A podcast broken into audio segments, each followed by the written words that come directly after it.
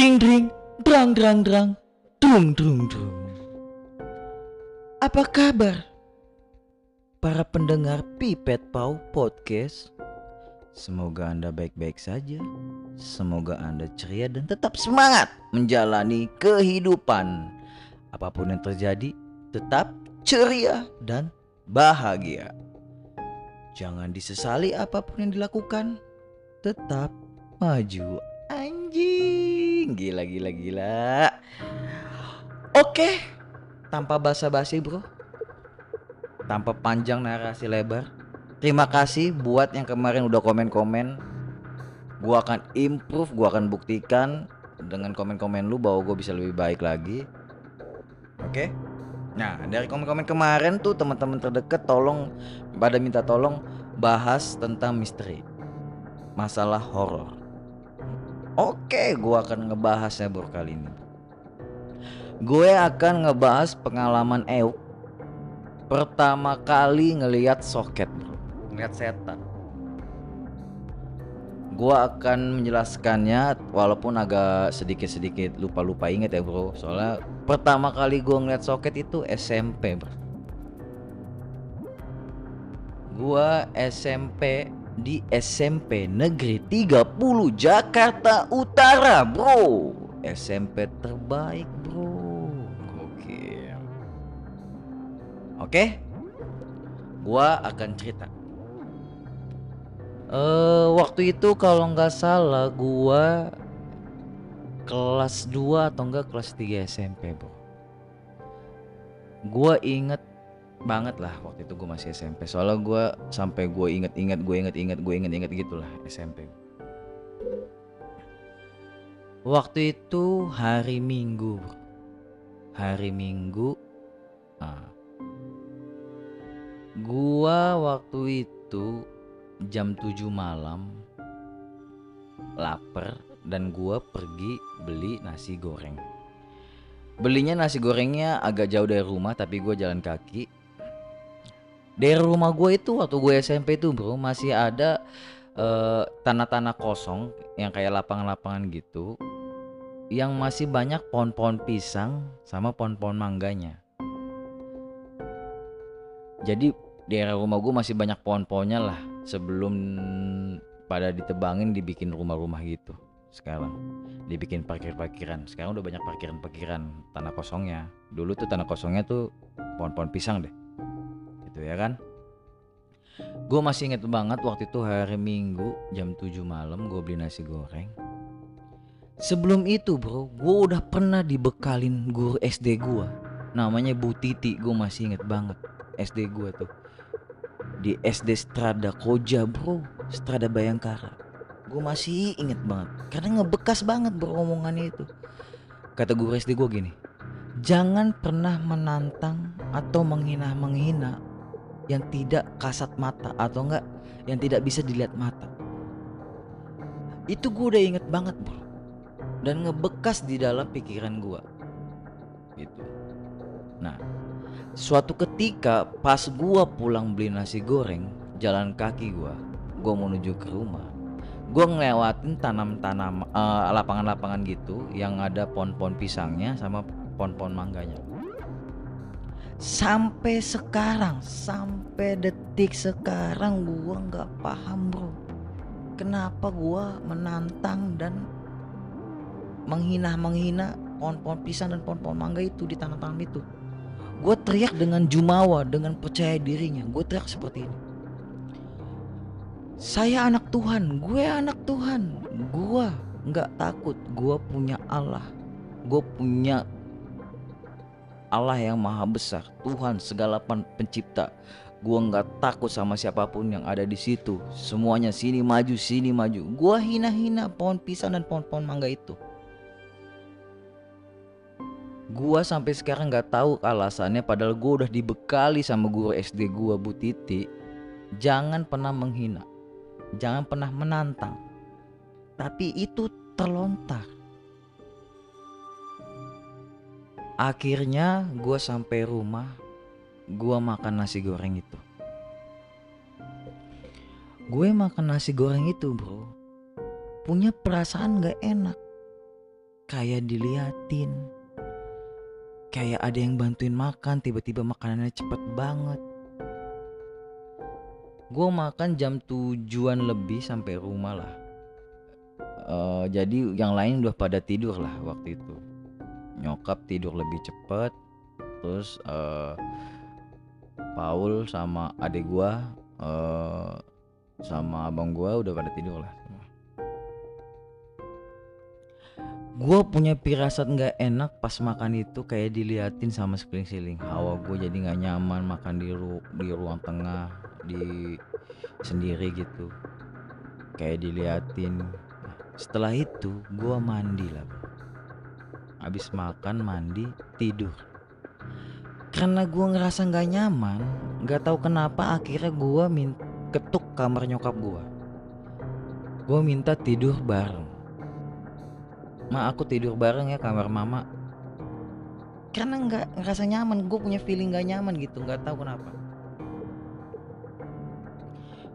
Akhirnya gue tidur bareng sama nyokap nah, karena nyokap gue tidur bareng sama adik gue di kasur akhirnya gue ngambil tikar tidur di bawah di lantai. Gue masih inget banget di lantai. Gue tidur pertama kali itu jam-jam sembilanan lah kayaknya. Jam sembilan kurang lah. Jam sembilan lah. Tidur gue masuk kamar ikut nyokap kamar nyokap bareng. Nah. Gua udah tidur nyenyak mimpi yang nggak baik-baik. Kayak gua ketemu teman-teman gue yang lama teman-teman gue SD udah lama nggak ketemu tiba-tiba peluk gua kangen-kangen. Tiba-tiba gue dipeluk kenceng kenceng kenceng kenceng kayak nggak bisa bernapas akhirnya dia berubah jadi monster. Berubah jadi ular mau makan gue nah, terus gue kayak kayak rep-repan gitu kayak itu terus gue bicara tolong tolong tolong tolong lepasin lepasin Tuhan lepasin dalam nama Tuhan gitu gitu akhirnya lepas. Terus abis itu gue mimpi diinjek raksasa. Itu juga gue bilang tolong tolong tolong tolong tolong. Akhirnya lepas lagi. Akhirnya nyokap kayak bangunin gitu. Jadi ternyata gue eh, kayak mimpi gitulah ngigo gitu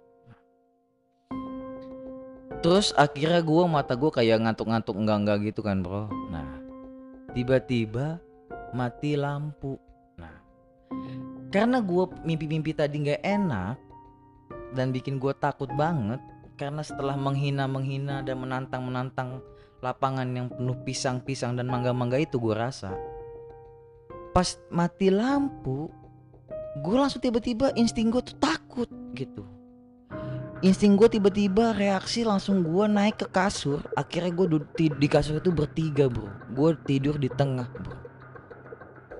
Kiri eh sebelah kanan adik gue sebelah kiri nyokap.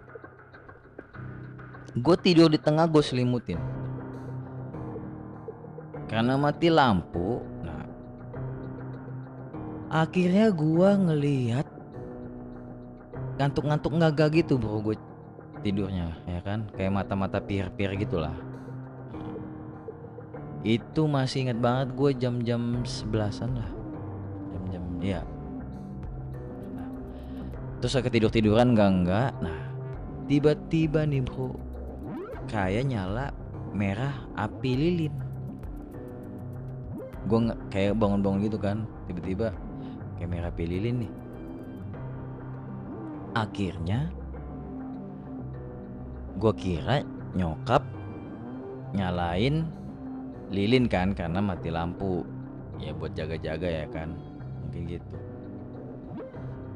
Lama-lama mata-mata pir ini gua lama-lama kebuka jelas mata gua.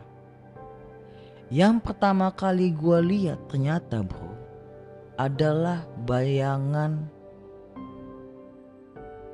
ikat kepala pocong atasnya yaitu deket pintu di atas ventilasi pintu. Pertama gue lihat atas atasnya merah-merah api lilin atas atas atas atas terus gue ke bawah. Nah pas gue tahu banget itu bentuk pocong kayak di film-film tuh terus gue teriak dengan kencang. Tapi sebelum gue teriak dengan kencang gua nempelin muka gua sambil gemeteran gertek-gertek ke nempel sampai nempel ke kasur. Pas sudah nempel ke kasur gue langsung teriak ma pocong pocong ma pocong gitu. Tapi nyokap nggak langsung bangun. Padahal samping gua ma pocong ma pocong gitu ya kan. Pas nyokap bangun nah tiba-tiba nggak jauh langsung sekitar lima menitan langsung lampu nyala. Langsung gua lihat jam. Itu jam 12 pas. Jam 12 pas gue inget banget bro. Gue ngeliat pocong ternyata pocongnya kayak pakai jilbab tapi hitam gitu. Mukanya nggak kelihatan nggak berbentuk tapi hitam. Auranya kayak merah-merah api lilin lah kayak gitu. Nah terus semenjak itu bro semenjak gue pertama kali ngeliat pocong itu karena nantang-nantangin itu mata gue kayak sensitif bro. Setiap mati lampu setiap gelap gue jadi punya traumatik. Langsung gue lari ke tempat yang ada cahayanya udah paling sering nyokap gue sampai tak sampai nyokap udah tau lah semuanya Sampai kamar itu pun dipercikin, kamar gue dipercikin, didoain bro. Gue pernah nanya-tanya pendeta gitu ya kan. Aku ngeliat pocong, aku ngeliat hantu di kamar, aku bilang gitu. Karena aku begini-begini. Pendeta itu pada enggak percaya gitu maksudnya. Nggak ada itu hantu, nggak ada itu apa gitu. Tapi waktu itu gue masih inget banget ada guru gapul namanya guru agama Pak Asep guru SMP gue di SMP Negeri 30 namanya Pak Asep kalau nggak salah. Gue pernah nanya sama dia, Pak, uh, saya pernah ngeliat uh, pocong di rumah, tapi auranya merah kayak lilin. Aku bilang. Akhirnya dia jelasin bro. Yang merah panas itu sebenarnya auranya adalah jin. Jin di rumah kamu.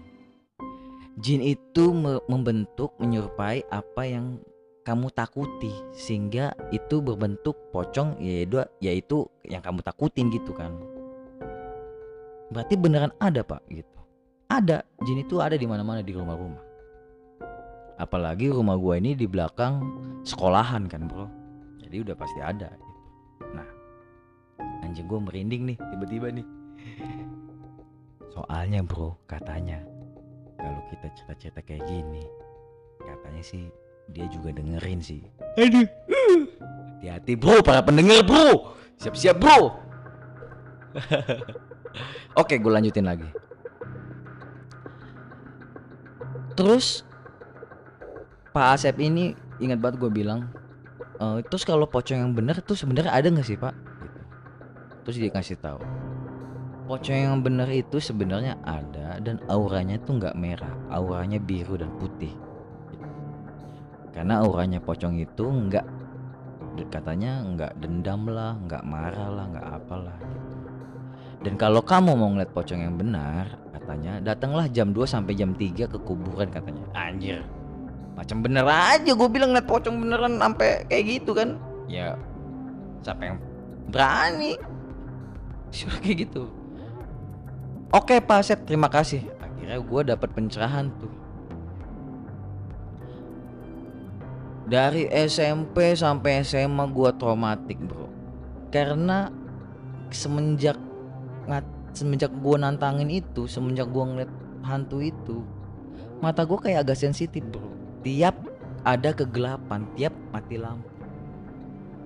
Kayak ada bayangannya lah berduduk di situ kayak entah anak kecil lah apalah dan itu salahnya gua kayak agak sedikit gua asah bro.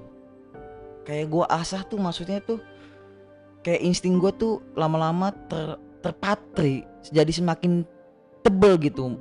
Bukan punya tiba-tiba gue punya indigo ya bukan ya. Bisa ngeliat six sense atau apa enggak. Maksud gue kayak tiba-tiba wah itu kayaknya apa gitu bayangan apa. Tapi kalau diliatin lama-lama hilang gitu diliatin fokus lama-lama hilang. Kayak gitu bro.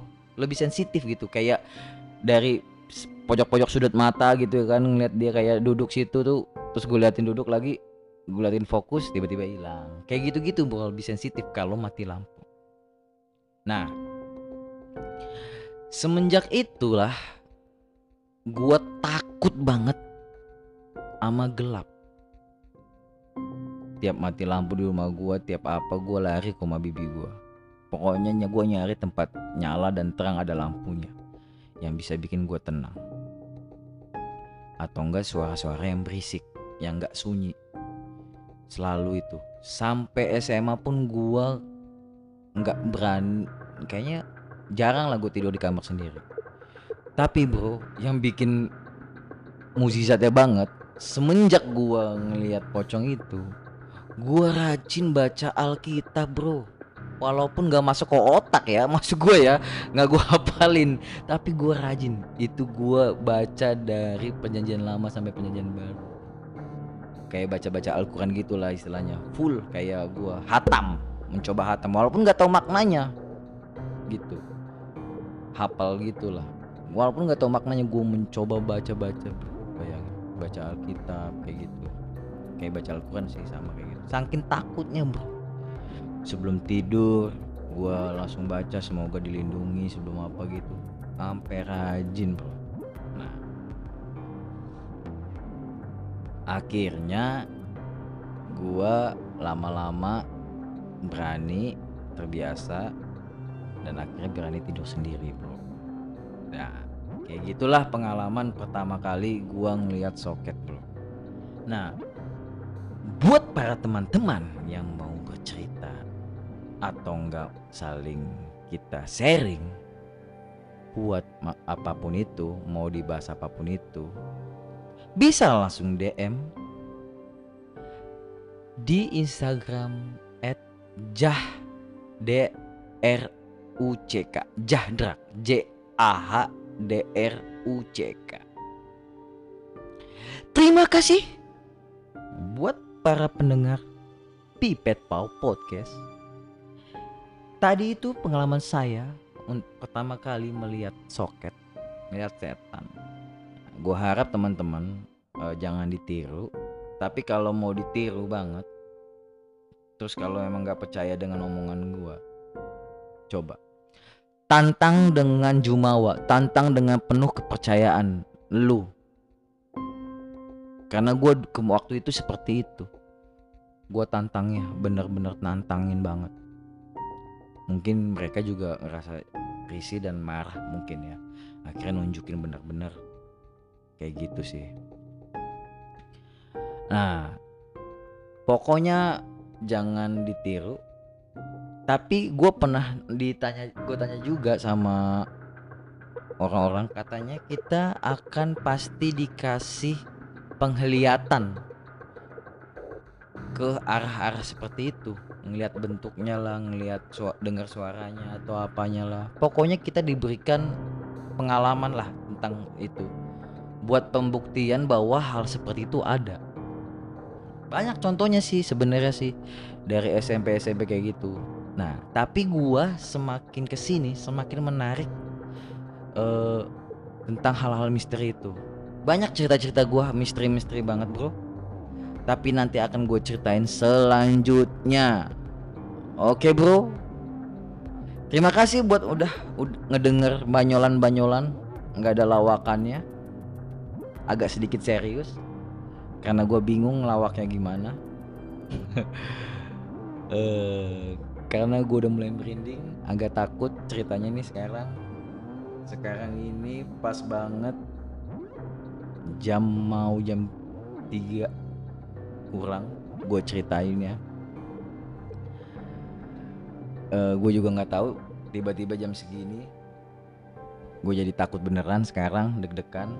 Tahu dah bisa tidur atau enggak kalau enggak ya melotot mulu main game atau sampai nanti ajan yang sampai gue bunyi berisik lah yang bisa bikin gue tenang baru gue bisa tidur. Sampai segitunya bro. Gue saking takutnya sampai sekarang. Tapi kalau trauma sama mati lampunya udah udah hilang sih. Udah agak hilang. Udah agak bisa hilang. Walaupun sekarang kamar gue harus terang banget gitu. Terima kasih buat ngedengerin banyolan-banyolan lagi yang udah panjang lebar ke mana. Semoga pengalaman dan cerita-cerita gue bermanfaat buat teman-teman semua. Stay positif. Jangan lupa berak. Jangan lupa tidur. Jangan lupa jalan-jalan. Jangan lupa makan. Nikmati hidupmu. Hidupmu cuma sementara. Cuma sebentar di dunia ini. Nikmati semua hal-hal baru. Jalani hari-harimu dengan ceria. Kamu layak untuk bahagia. Stay strong, stay humble. Terima kasih para pipet pau caster. Anjay!